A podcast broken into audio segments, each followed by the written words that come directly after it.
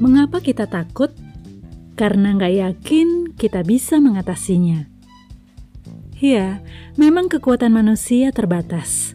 Namun kita bisa meminta bantuan pada sosok yang pantas. Tuhan bisa mengutus seseorang untuk menolong kita.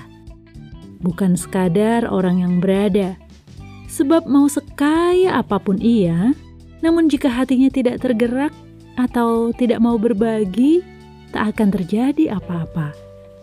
Mau selowong apa pun waktunya, jika hatinya tidak bersedia, tidak akan terjadi apa-apa. Mau sekuat apa pun tenaganya, jika hatinya keberatan, tak akan terjadi apa-apa.